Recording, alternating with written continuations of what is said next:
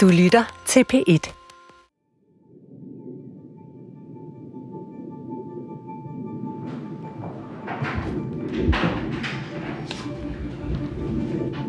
Det, det føltes virkelig, ja, som en eller anden form for film, man var i. På den måde, at man fik beskeder på, at nu skal du herover og flytte rundt på lokationen for at blive hentet op i en bil med toneruder, hvor at den en af agenterne lige tager vinduet en lille smule ned og laver en lille fløjtelyd, så man ved, hvor det er hen ind i bilen, og så kører hurtigt afsted videre og har et møde i en bil. Den her, den kører. Og det bliver cirka den her afstand, og det, det glemmer I lige pludselig. Vi to sidder jo I dronebutikken. i det her lille kontorlokale sammen med Toge, og nu også hans forretningspartner Frederik. Kan vi ikke lige prøve at starte med en lydprøve, så jeg lige ved, hvordan I taler? Hvis du, øh, Toge, prøver at sige navn, titel og... Øh, Jeg hedder Toge, og jeg er den tekniske guru her i Droner APS. Jeg hedder Frederik Skødt. Jeg er administrerende direktør i Droner PS. ja, det er, jo, det er jo to helt almindelige dronesælgere på de her 30 år cirka. Og de tager det hele meget stille og roligt. Men vi to, vi er nu kommet dertil, hvor vi sidder og kigger sådan lidt lamslået på hinanden, som jeg husker det. Ja, fordi de har lige fortalt os, at, at det rent faktisk er dem, der har solgt udstyret til den her mand, der nu er sigtet for at have sendt dronedele til islamisk stat. Det er mig, der faktisk har solgt øh, de her dele. Ja, altså ikke mindst, at de har været på den her hemmelige mission, som de selv kalder det, for at hjælpe den danske efterretningstjeneste med at afsløre det her formodede danske terrornetværk. i samarbejde med PET. Hvad går der egentlig igennem hovedet på, på dig, da han siger det? Pludselig så sidder vi to jo over for to helt almindelige mennesker, som giver et helt unikt indblik i PET's arbejde. Og de kan også dokumentere det. Episode 2 på hemmelig mission for PET.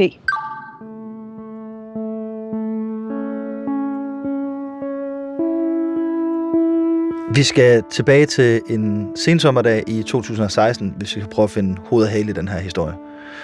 Der ligger øh, Toge og sover i sin lejlighed, Det, det er jo en tidlig morgen, og jeg ligger stadig og sover. og pludselig så øh, ringer hans telefon. Jeg kan se, at min telefon har, har ringet et par gange fra, fra et hemmeligt nummer. Umiddelbart lige efter, så begynder min, min dørtelefon at ringe. Og det, det er altså tidligt. Det, det er måske halv seks om morgenen. øh, Og der er jeg altså ikke stået op endnu, øh, normalt. Jeg har kun boxershorts på, og så hø- hører på dørtelefonen sådan, hvem er det her? Ikke? Og det er politiet. Vi skal altså lige op og tale med dig. Vi skal altså lige øh, sætte os ned, for det vi skal tale om, det, øh, det kan godt være lidt alvorligt. Og jeg ved jo stadig ikke, hvad er det her det drejer sig om. Jeg tror stadig, der enten er sket noget, eller jeg har gjort noget, og jeg er, jeg er i fedtefaget eller et eller andet. Så øh, det første, de siger, det er, at jamen, øh, vi er fra PT, og øh, vi har øh, observeret en færden, som du har foretaget dig, øh, som vi lige skal have talt om. Så nævner de så, at jeg så også været ude og køre en taxatur gennem en, en Uber-app, og, øhm, og de siger, øh, hvilken dato det var, og hvilket tidspunkt, hvornår jeg har været ude og kørt Uber, og med hvilken chauffør jeg også har kørt med. Og de siger, at det er den tur, de er meget interesserede i at høre noget information om, hvad har der foregået på den tur. Der siger jeg sådan, ja, det, det må jeg godt, men hvad, hvad, hvorfor har I så meget interesse i det? Hvor at de, de, sådan, de, de holder en pause, læner sig lidt tilbage i stolen, og sådan får et, et lidt mere alvorligt udtryk i, i ansigtet, og, og siger, ja, det, øhm, det, det er fordi, der, det, der måske vi har på færden her med en chauffør, det er altså, at han er ude på nogle lidt mere alvorlige ting i forhold til brugen af droner. De siger, at det er en person, der er lidt, vil lave noget lidt mere- alvorligt med nogle droner. Det, det, giver, det giver god mening for, for mig, at man selvfølgelig kan misbruge teknologien. Men det, som, som er overraskende, det er selvfølgelig, at jeg bliver en del af det, fordi jeg har taget en taxa. Kan vi prøve at finde den der tur frem på telefonen? Ja. For at få datoen. Hvornår er det det her, det foregår? Altså, hvor er vi henne tidsmæssigt? Vi er i 2016, og det er en øh, sen august øh, sent i august måned. Ups. Jeg har faktisk en, en tur her fra en, ja, det er en Ford Mondeo klokken 18.46.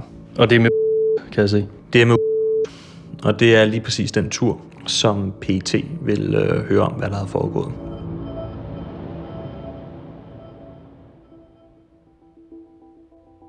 Okay, men Toge tager en Uber-tur, en taxatur. Men hvordan har det noget som helst at gøre med, at, at der så pludselig står to PT-medarbejdere i hans stue? Den her sommeraften, der har Toge været på Restaurant Noma, hvor han har filmet et arrangement. Altså dronefilmet. Ja, og han har taget de store droner med, og de fylder så meget, at han ikke kan have det på sin cykel, som han normalt ville have haft. Så derfor så beslutter han sig for at bestille en Uber, som er den her taxatjeneste. Der kommer altså en, en stationcar-lignende type. Det er meget godt, fordi der er god plads i, i bagagerummet. Og um, ud kommer en, en, en temmelig høj og bredskuldret herre ud, og, og meget hjælpsom til at få, få hjulpet med at få de der droner ind. Men, men han er meget interesseret i, hvad de kan, de her maskiner, hvor store kan de blive, og kan de flyve hurtigt, og hvor langt kan de komme væk, og hvor meget kan de bære, og alle de her ting, og hvad kan man egentlig bruge dem til. Og han, han bliver så begejstret for det, at han faktisk øh, efterfølgende, da han sætter mig af, også ser, at okay, der, der altså ved at være en donorbutik der, hvor du er sådan, ja, det, det er der, sådan siger han, ved du hvad, jeg kommer ind, og så taler vi altså lidt videre om de her maskiner, fordi jeg har altså virkelig interesse i at, at få, ja, få noget mere viden om, hvad man kan med, med droner. Så det er altså den her køretur, der gør, at der er PT-agenter i Tokos lejlighed den her tidlige morgen. Og de er interesseret i to ting. De vil gerne finde ud af, om Toge han er til at stole på. De prøver jo ligesom at finde ud af, er jeg en del af det her, eller er jeg bare en tilfældig person, der har kørt en taxatur. Og da de har fået etableret, at han er til at stole på, så vil de også gerne høre, om han kunne tænke sig at indgå i et samarbejde med dem. Så allerede da I sidder rundt om dit spisebord på det tidspunkt, så laver I en aftale om, at hvis han kommer tilbage, så skal I i hvert fald informere PT og lave en form for samarbejde med dem. Vi bliver i hvert fald en, en brik i et, et større puslespil, helt klart. På grund af, at vi sælger droner, og vi har øh, forstand på de her ting, jamen så, så bliver vi en, en, en, en vigtig partner inden for politiets efterforskningsarbejde. Det er helt klart her. Og de havde en god plan til, hvad der egentlig skulle ske, øh, når han så kom tilbage. Indvilger de dig i den plan til at starte med det? De har en, en, en plan, som hedder, at øhm, det udstyr, som han eventuelt vil komme og skulle købe, det, øhm, det skulle vi prøve at begrænse til ham. Hvis vi bare udleverede noget udstyr, så havde de rigtig svært ved at finde ud af, hvor det så kom hen i landet eller i udlandet. Øhm, men tænker også, nu ved man jo ligesom, at den person, som man ikke havde rigtig noget øh, kendskab til, som var en flink taxichauffør, som hjalp og spurgte rigtig meget ind til droner, han er en potentiel terrorist, øh, og hvad kan han finde på, hvis øh, han kommer ned i butikken? Og han finder ud af, at vi har en eller anden form for samarbejde, eller han finder ud af, at jeg står og lyver, når jeg siger, at vi ikke har tingene på lager, eller på den måde. Så nu skal Toge ned i dronebutikken og fortælle sin forretningspartner Frederik, at de har fået en mission af PT. Jeg kunne huske, Toge kom ind. Jeg sad på kontoret. Toge gav lidt tegn til, at han gerne ville snakke, og jeg kunne se, at det plejer Toge aldrig at gøre. Toge plejer aldrig at ville snakke. Så jeg kunne også se, at der var noget galt, og jeg tænkte, der er sket noget med hans familie. Han var helt bleg i hovedet. Så jeg tog min jakke på, og vi gik en tur rundt om søerne, hvor Toge så fortalte alt det her. Og det er jo, det er jo en vanvittig historie. Og så det her med, at vi ikke måtte sige det til nogen, fordi vi ville kompromittere hele efterforskningen, og det hele skulle foregå hemmeligt. Toge gav lige sin element, og hvis jeg var der alene, uden Toge var der, så, øhm, så jeg var bare være opmærksom på, hvad vi var op imod. Hvad er det for et signalement, du får af Toge? Hvad er det, du skal holde øje med? En øh, arabisk udseende mand, høj, fylder meget billedet, øh, en lille smule sådan øh, tynd hårvækst, meget bred, lidt tyk, med sådan stor i det, men med så både stor alt. Altså for at være helt ærlig, så tror jeg, at vi... Altså, jeg, jeg, jeg var der jo ikke der, vel? Så jeg mærkede ikke rigtig sagens alvor. Jeg så ikke de her PT-agenter i øjnene. Så jeg troede sgu bare, at de havde overdrevet en lille smule. Altså, en tog kørte taxa med en eller anden dude, og så begyndte PT at trække nogle linjer, som måske var lidt overdrevne for en sikkerheds skyld. Jeg tænkte sådan, PT, terror, Danmark, helt ærligt. Så går der et par uger, og der sker egentlig ikke noget. Alt er, som det plejer i dronebutikken, Og jeg havde egentlig ikke regnet med, at vi på nogen måde ville se ham der igen. Overhovedet. men pludselig, så står han der altså. Taxichaufføren. okay, det er, det er altså ham, der står der nu. Um, og man tænker, okay, jeg får lidt, øh, lidt, lidt svedige hænder af det her, fordi måske, hvad man skal virke, skal jeg virke som om, jeg ikke kan huske ham på den tur, fordi øh, vil man huske en taxichauffør, man har snakket med droner om? Eller skal jeg sige, hej, øh, jeg kender jo hans navn, ikke? Skal jeg komme, hvis, hvad hvis jeg kommer til at sige det? Ikke? Vil det virke, virke mærkeligt? Og så alle de informationer egentlig, som, som der, der kører rundt ikke? Fra, fra det møde med, det morgenmøde med, med PT, at jeg skal jo passe på, at jeg ikke kommer til at øh, sige noget, som virker underligt, og jeg skal heller ikke virke nervøs. Og han kommer ind og giver mig hånden og siger, hej, kan du huske mig? Og jeg, jeg aner ikke, hvad jeg skal sige der. Sådan, øh, jeg ved ikke, skal jeg sige ja eller nej? Ikke? Øh, Er det en fælde? Ikke? Er, han, er han på sporet om noget? Ikke? Altså, hvad, hvad, og jeg siger, ja, sådan lidt, du ved, trækker lidt på den. Ja, det var det ikke noget med en, en taxa eller eller andet, ikke? Og sådan, jo, jo. Og så siger han, jeg sagde jo, jeg kom igen, ikke? Øhm, og så, øhm, så var ligesom isen brudt på den måde, ikke?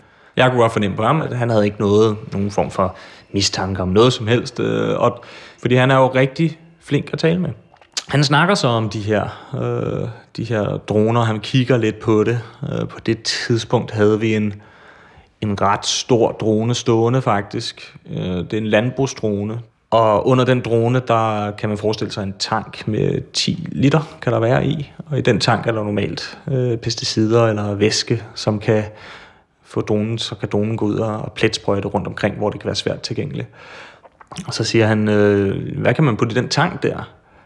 Og siger, "Jamen, man kan jo putte hvad som helst. Man kan putte vand i, du kan putte øh, pesticider i, som man skal normalt, ikke? Eller hvis du vil, kan du putte champagne i og, og sprøjte, hvor du vil, ikke? Og så siger han, ja, det er sjovt, ikke? Man kan også, man kan også putte syre i, siger han så, ikke? Og griner øh, højlydt i butikken. Og, og så står jeg der og kigger, ja, ja, det, det kan man også, ikke? Så han laver en, en joke om, om man kan putte syre i den her tank. Det gør han. Han laver simpelthen en, en terrorist-joke, ja. Øhm, som vi alle griner af i det tilfælde her. Normalt vil jeg måske sige, at det var måske lige over stregen at sige det, øh, men, men det gør så ikke i det tilfælde.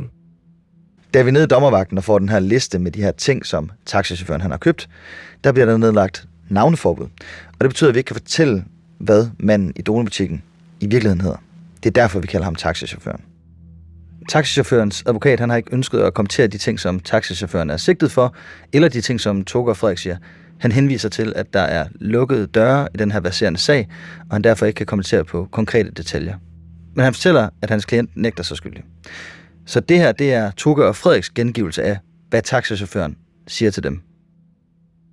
Det, som Toge og Frederik fortæller, og som vi har set dokumenter, der bakker op om, det er, at han er interesseret i professionelle dronecomputere og propeller. Jeg, jeg prøver at finde ud af, hvad er det, du skal bruge det til. Men han, han ved ikke rigtigt, hvad han vil, vil bruge det til. Han siger bare, at jeg har en liste allerede i forvejen. Som, Så han, så han kommer med en liste i hånden til dig. der er ikke en decideret liste. Jeg tror, han har en eller anden form for, for liste på sin telefon, som han måske kan huske eller et eller andet. Men han, han nævner de her komponenter, og, og, og er meget interesseret i, om vi har det. Øh, fordi han vil jo godt have det hurtigt. Virker han som en, der øh, har styr på det, han taler om, når han nævner alle de her ting, der han har på sin liste? Han, han ved ikke rigtigt, hvad det er. Nej, det har han ikke styr på. Øhm, det virker lidt mere, som om han er, han har bare fået besked på nogle, nogle indkøbsting. Ja. Så taxichaufføren han forlader dronebutikken. Toge og Frederik gør, som de har aftalt. De ringer til PT, og nu starter det her samarbejde for alvor. Og det betyder altså, at Toge og Frederik bliver kontaktet af PET i tid og i utid, Jamen, jeg står ude for, uden for butikken. Vi skal komme. Vi skal herover. Der står to øh, agenter. Den ene, altså man kan godt mærke, Der står to agenter lige ude foran butikken. ja, der står to agenter. Lige, ud- der er en, en kommer ind, henter mig, gelejder dem ud på gaden. Vi går cirka 50 meter, så kommer jeg over til øh, hans kompagnon, det, der er lidt sjovt ved de her to gutter, det er, man ser jo de her gangsterfilm, hvor, hvor nogle af de her mafiabosser siger, at øh, hovedpersonen han lugter langt væk af politi. Og man kan se, at de her gutter her, de har noget tøj på, som sådan, hvor de forsøger ligesom, ligesom at- ligesom at blende sig ind i samfundet. Men man kan se, at de har skruet lidt for meget op på knapperne. Den ene har en, øhm, en øhm, militærjakke, der er lilla fra Carhartt, som er så overdrevet hip, at den alligevel sådan bliver for meget. Ikke? Og den anden, han er sådan lidt, han, har sådan noget elektrikertøj på, sådan nogle arbejdsbukser med lidt olie på og sådan ting, øh, og en flistrøje. Og man, man kan bare se på hans ansigt, at han er en velhavende mand, som ikke rigtig passer ind i den her uniform. Og nu er de virkelig i tæt kontakt med PT. Vi går ind i bilen. Det er en, øh, jeg ved ikke noget om biler, men den så dyr ud. Øh, blå lak, tonede ruder. To øh, agenter forsædet. Jeg sidder så på bagsædet, og vi har så en samtale der, hvor de fortæller mig, at udfordringen ved det her, de her salg her, det er, at vi ved, at de er terrorister nu. Så ifølge Frederik, så har PT altså en mistanke om, at de her ting, som taxichaufføren han køber, de skal bruges til terror. Og derfor så er det altafgørende for PT, at de her køb, de sker igennem dronebutikken. Det er vigtigt, at det bliver købt hos os, fordi at så har PET kontrol over det. Hvis han går i, til Tyskland eller en eller anden baggårdsforhandler i Polen, så har de øh, ringe mulighed for at finde ud af, hvad det er, han køber og, og så videre, og spore forsendelsen, og det, så kan det være, at de mister et eller andet link, og så lige pludselig så har de tabt det hele. Og hvad er det, PT de siger, at det er vigtigt, de gør for at holde ham i jeres butik? Jamen det er det med, at det, for at ligesom vi kan få den her øh, ordre igennem, så øh, bliver vi så beordret af PET til, at vi sælger den her ordre så billigt som overhovedet muligt. Så, så PT beder jeg faktisk om fuldstændig at underbyde markedet, så I er sikre på, at, at I holder ham som kunde. Ja, lige præcis. Okay, så det er, det er planen, at de skal sælge deres udstyr så billigt, at taxichaufføren han ender med at købe det hos Toga og Frederik. Ja, og planen den ser egentlig også ud til at virke, fordi taxichaufføren kommer tilbage i butikken, så de har i hvert fald fået hans interesse. Problemet her er så bare, at det han vil købe, er så meget, som Toga og Frederik aldrig nogensinde har set før. det her, det skulle være stort, det skulle være big scale, de skulle bruge mange droner. Altså hvis vi havde 20 af, af, af 3 Pro, som man skulle bruge der, så har han købt dem alle sammen. Up front, ingen problemer. Og det er et problem, fordi aftalen med PET er, at de skal prøve at begrænse hans indkøb så meget som muligt. PET vil ikke have, at han får alt, hvad han gerne vil have. Samtidig så øh, havde PT ligesom en klo i os, fordi de ville ikke have, at vi lige pludselig havde pushet 20 øh, potentielle dræberdroner øh, til... Vi skulle holde døren på klem hele tiden, sige tingene, sige, vi, havde, vi har lidt på lager, der kommer noget snart, men I kan, I kan få 3 til fem stykker med det samme. Sådan øh, pushe små mængder ind til dem, og sørge for, at de stadig fik noget, men ikke for meget. Den anden det er også det med, at han, skal, han vil gerne have det i morgen. Og øh, der er selvfølgelig også selvfølgelig er der noget leveringstid på, men vi skulle også ståle ham, fordi at PT gerne ville have noget af det udstyr og placere nogle sporingsenheder på. Så sammen med PET, så finder Toge og Frederik på en historie om, at de har problemer med leveringstiden. Og det gør de, fordi at de her droner, de skal ind til PET, for at de kan putte sporingsudstyr ned i de her dronedele.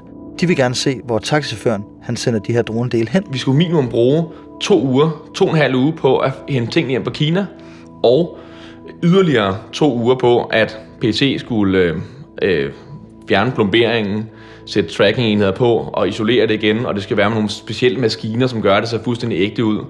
På det her tidspunkt, der vil taxichaufføren bare gerne have de her ting hurtigst muligt, men Det går ikke så glat, som PET havde håbet, for vi kan faktisk se på en, øh, en sms-korrespondence her, at øh, en af kontaktpersonerne i PET skriver til Toge. Hey, den driller lidt. Håber, du kan trække den til midt i næste uge. Og det betød bare, at vi måtte stå og lyve hele tiden. Øh, og vi må stå og sige, at det er, det er ikke på lager og så videre. Men det er faktisk ikke engang nok, fordi det bliver ved med at trække ud ind hos PET. Og derfor så øh, ender det med, at PET-agenten han øh, faktisk skriver her, øh, hvad med at slå et par tusind kroner af for langsom levering? Man kan også mærke stille og roligt, altså vi, vi har jo heller, altså han havde ikke uendelig tålmodighed, og man kan mærke også, at timen der altså begynder at rende ud hele tiden, hver gang man siger, ja, næste uge der kommer det. Så langt om længe, så ender det med, at Toge og Frederik de får dronedelene tilbage fra PET, så taxichaufføren kan købe dem. Det der med at stå med noget udstyr i hånden, som PT har lagt tracking-enheder på, som du har fået besked på, at du skal aflevere til en potentiel terrorist, som ikke rigtig spiller efter de samme øh, spilleregler, som vi andre gør, øh, det var ret ubehageligt. Også fordi man, ikke, man kender jo ikke sig selv. I, i det, hvordan reagerer man i sådan en situation? Altså vil jeg knække? Vil jeg begynde at svede? Vil jeg begynde at have et, et kropssprog, der signalerer, at jeg har, der, der er ubehag i situationen, som han selvfølgelig kan lugte på lang afstand? Vil man være cool? Alle de her ting her, så godt kender man ikke sig selv, fordi man aldrig nogensinde har stået i sådan et scenarie før. Taxachaufføren han ender med at komme ned og købe det her droneudstyr, hvor der er sporing i. Så vi tror sådan, det er overstået nu, det er slut. Indtil lige pludselig, at øh, står i butikken igen i 17 øh, maj måned, og skal bruge noget mere. Og han skal faktisk bruge rigtig meget. Den havde vi ikke lige fået øh, feedback fra hos øh, PT, så jeg faktisk, vi blev faktisk egentlig lidt overrasket over at se ham igen, for vi troede, han var i fængsel. Men den her gang, der er det noget helt andet, han er på jagt efter. Og han ville gerne bruge nogle miniatyre termografiske kameraer, der du kunne ja, sætte på en drone. Og øh, det er nogen, man typisk bruger til at inspicere bygninger, hvor man kan se for eksempel, hvor der er, nogle, øh, hvor der er dårlig isolering henne, eller hvor der er varmelækager i øh, varmerør, når du flyver over byer for eksempel. Det er typisk der, man bruger det. Eller man kunne for eksempel øh, sætte det på en drone, og så meget hurtigt finde ud af, hvor der er mennesker i en ørken for eksempel. Det bliver sådan lidt løst, at man gerne er så mange som overhovedet muligt, og hvor mange har vi. Man kan få det to opløsninger, og han vil gerne have øh, sådan set 10 af hver. Hvor mange gange er der kommet et menneske ind i droner.dk og har bedt om 20 termografiske kameraer? Altså, folk kommer nærmest og, og beder om et, og så er de lidt, egentlig lidt i tvivl omkring, de virkelig skal bruge det, fordi det er så dyrt. De her kameraer, det er et dyrt udstyr. Et kamera koster cirka mellem 20 og 30.000 kroner. X moms. Så det, han kommer og beder om her, er faktisk noget, der vil koste omkring 600.000 kroner. Ja, lige præcis. Det er en stor ordre. Nu bliver Tukke og Frederik presset til at lyve en gang til. Og den her gang, der finder de på, at de slet ikke kan skaffe så mange kameraer. Det første, vi gør selvfølgelig, det er, at vi, øh, vi, ringer, til, øh, vi ringer til vores kontaktperson der ikke, og fortæller om det her. Og, og man kan mærke, at PT bliver presset af, at vi ser igennem det her igen nu, og de synes selvfølgelig også, at det var fuldstændig uhørt, at den ordre var så stor. Så det var også helt klart i deres interesse, at vi lige fik skruet lidt ned på den her. Øhm, så vi, vi får den så ned på en størrelse på omkring, det var 114.800 kroner. Øh, den de kommer ned på for de her øh, seks kameraer, øh, og det er så også med, med en så god pris, at man ikke kan matche det nogen steder. Så altså, taxachaufføren, han får et tilbud her, han ikke siger nej til. Så taxachaufføren kommer tilbage i dronebutikken. Øh, og så snart han, han træder ind ad døren, så kan han jo se mig igennem den der glasdør. Og han vinker, øh, og, øh, for at lige se, om han har, han har fundet mig. Øh, og, ja, øh, jeg, jeg vinker igen og øh, går, går ham i møde i butikken. Øh, han har en t-shirt på og, og nogle afslappede bukser, og så har han et, et, et lille mavebælte, som er skubbet lidt til, til venstre. Et lille sort mavebælte. Så han sætter sig ned i, på kontorstolen ved siden af min kontorstol, og vi kigger sammen på, på den klade af fakturer med, med de kameraer, og han godkender så også prisen der, at det er den korrekte pris, øh, vi får, vi får betalt. Så, øh, så jeg ja, siger beløbet, hvad der står på fakturen. Og, hvad er det? Det er jo de der, øh, de der over 100.000, ikke? 114.000 et eller andet. Øhm, og det siger han, ja, det har jeg her. Og øhm, så åbner han sit lille mavebælte, og det er jo ikke særlig stort. Altså, det er, det er en meget, meget lille mavebælte. Og, og der ligger der simpelthen øh, over 100.000 kroner i kontanter. Og de er danske, danske kontakter. Og øhm, han lægger dem på bordet med, med sin ene hånd. Og så, så tænker jeg, okay, øh, han siger, du må nok heller lige tælle det, så vi er enige om, at du har fået de rigtige penge, ja, ikke? med det rigtige beløb. Så fint nok, jeg skal til at tælle de her penge, og øhm, jeg kigger på dem, og de er ægte, øh, det kan jeg se, øhm, og mærke, og begynder at tælle en af gangen fra den ene hånd ned på bordet, en, to, og de begynder at øh, blive skubbet ud over det hele og glide, fordi de kan ikke, de kan ikke blive stablet sådan på den måde, som jeg havde tænkt mig, øh, og, og, det irriterer øh, det irriterer mig rigtig meget at se, hvor langsomt det går, fordi nu skal jeg tælle op til 114, og det, det går for lang tid, så han tager alle pengene igen ud af min hånd, og tager dem på bordet, og siger, nej, nej, nej, nu skal du høre og se, hvordan man egentlig tæller penge. Så han folder dem lige en gang, har dem ved, ved, ved hånden hernede, bukker sig fremover og siger, det er sådan her, man tæller. Og så ligesom en maskine i banken, som tæller penge, så kører han bare de der øh, 1000 kroner sædler igennem, mens jeg sidder og verificerer hver eneste af der, og lægger dem i bund, så der er øh, 10 sædler til værdi af 10.000 hver gang. Så han er vant til at håndtere øh, store danske sædler på den måde? Han er, han er super vant til det, og, og jeg siger også sådan, ja, det er da godt nok overraskende, hvor lidt det fylder, de her penge, ikke? fordi de fylder jo ikke mere end, end hvad, 3 cm, 3-4 cm i højden jo, når man presser dem ordentligt sammen. Og så siger han, ja, du skulle bare se, hvordan euro fylder. Det fylder ingenting, man kan have meget mere ved, siger han. Så øh, det, det griner han helt vildt meget af, og synes, det er sjovt. Men, men øhm, vi griner jo selvfølgelig bare med, fordi at, at det, det er ikke en situation, vi er særlig vant til. Så taxichaufføren har betalt for sin vare nu, og øh, dronebutikken bestiller de her kameraer hjem. Men så er det, at Toga han bliver lidt overmodig. Ja, jeg er måske en lille smule fræk der, fordi at, at jeg tænker, okay, nu må vi lige se, om den, den går det lille nummer, jeg har tænkt mig at gøre. Fordi det er jo faktisk nogle kameraer, som er patenteret inden for amerikansk militær. Så det skal faktisk godkendes i USA, at det her salg må gå igennem. Øhm, og det, det kan man kun, hvis man får en underskrift fra slutbrugeren. Og det er formål, man skal have med kameraet. Og det er en, en, en nogenlunde standardplakat, man får fra producenten, som vi altid får, får slutbrugeren til at, til, at, ud, øh, til at underskrive. Men den samme blanket, den vil jeg prøve at sende til, til fordi det er jo en standard procedure, vi kører. Øh, og dels tænker jeg, at det er måske smart, fordi så virker det lidt mere legitimt, at vi aner intet om det her, øh, hvad han foretager sig. Og så, hvis han udfylder den, så kan vi se, om han, øh, han udfylder den på, på den rigtige måde, og faktisk fortæller, hvad han vil bruge nogle af de her ting til. Så det er en simpel blanket. Det er navn og adresse, telefonnummer, mail, og så er der nogle felter, hvor man skal skrive, jamen, hvad er formålet med projektet med de her kameraer. Og, og den pdf sender jeg til ham på mail. Øh, jeg tror, der går 5 eller 10 minutter, så har vi en mail tilbage, hvor at før var det jo sådan, vi glæder os til at få varerne, og, og vi har jo betalt varerne, det er fint, der går lidt levering, der er lidt leveringstid, det er vi helt forståelse med, øh, og så videre, til en, øh, en anden tone. Hele den her mission, som øh, Toge og Frederik har været på så lang tid, den er nu ved at gå fuldstændig i vasken. Vi har faktisk fået øh, mailkorrespondancen mellem Toge og taxichaufføren. For Toge, han får nu en mail fra taxichaufføren, hvor han blandt andet skriver, at han gerne vil annullere ordren, have pengene tilbage, for han er ikke interesseret i alt det bøvl, der er med det her papirarbejde. Og han slutter faktisk af med at sige, hvornår passer det bedst at komme og få pengene igen? Hvor smart føler du dig i det øjeblik? Min store plan var jo ikke at få den reaktion. Og min, min plan var jo, at, at det virkede så legitimt som overhovedet muligt, det vi havde gjort. Øhm, og der føler jeg måske, okay, det, det var dumt. Det var rigtig, rigtig dumt, det her. Øhm, det, det skulle jeg ikke have gjort. Så Toge han skynder sig at skrive tilbage til taxichaufføren, hvor han fortæller, at det med papirarbejdet, det er ligegyldigt.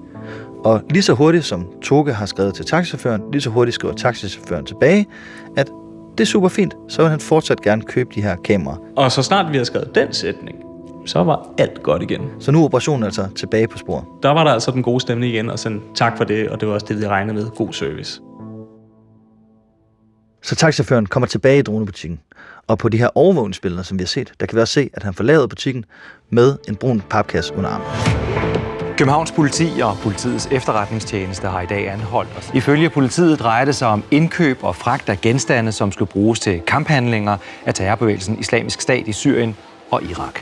Taxichaufføren han er blevet anholdt.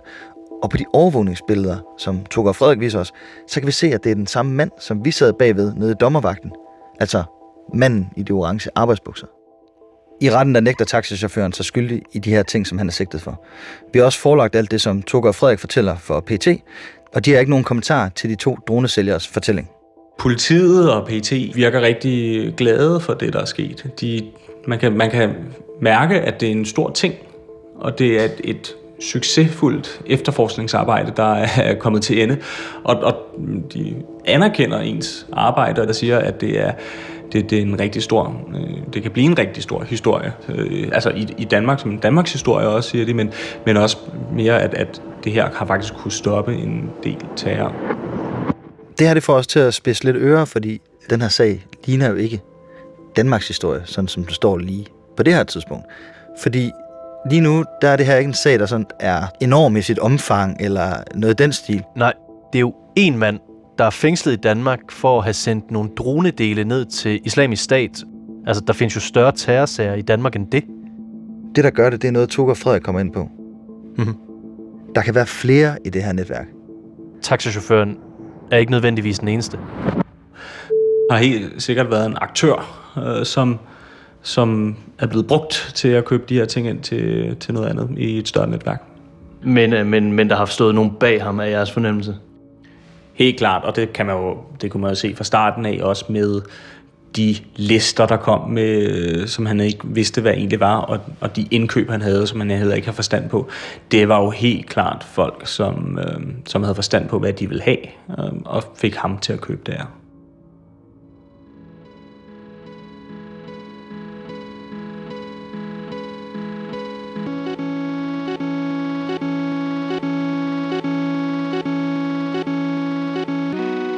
Alle sigtede i sagen nægter sig skyldige. Vi har forelagt alle anklager for de sigtedes forsvarsadvokater, der ikke ønsker at kommentere de her konkrete anklagepunkter. De henviser til, at de ikke kan kommentere på dem, da sagen kører for lukkede døre, og der er nedlagt navneforbud i sagen. Forsvarerne understreger, at de sigtede endnu ikke er tiltalt i sagen, og at sagen den skal afgøres i retten.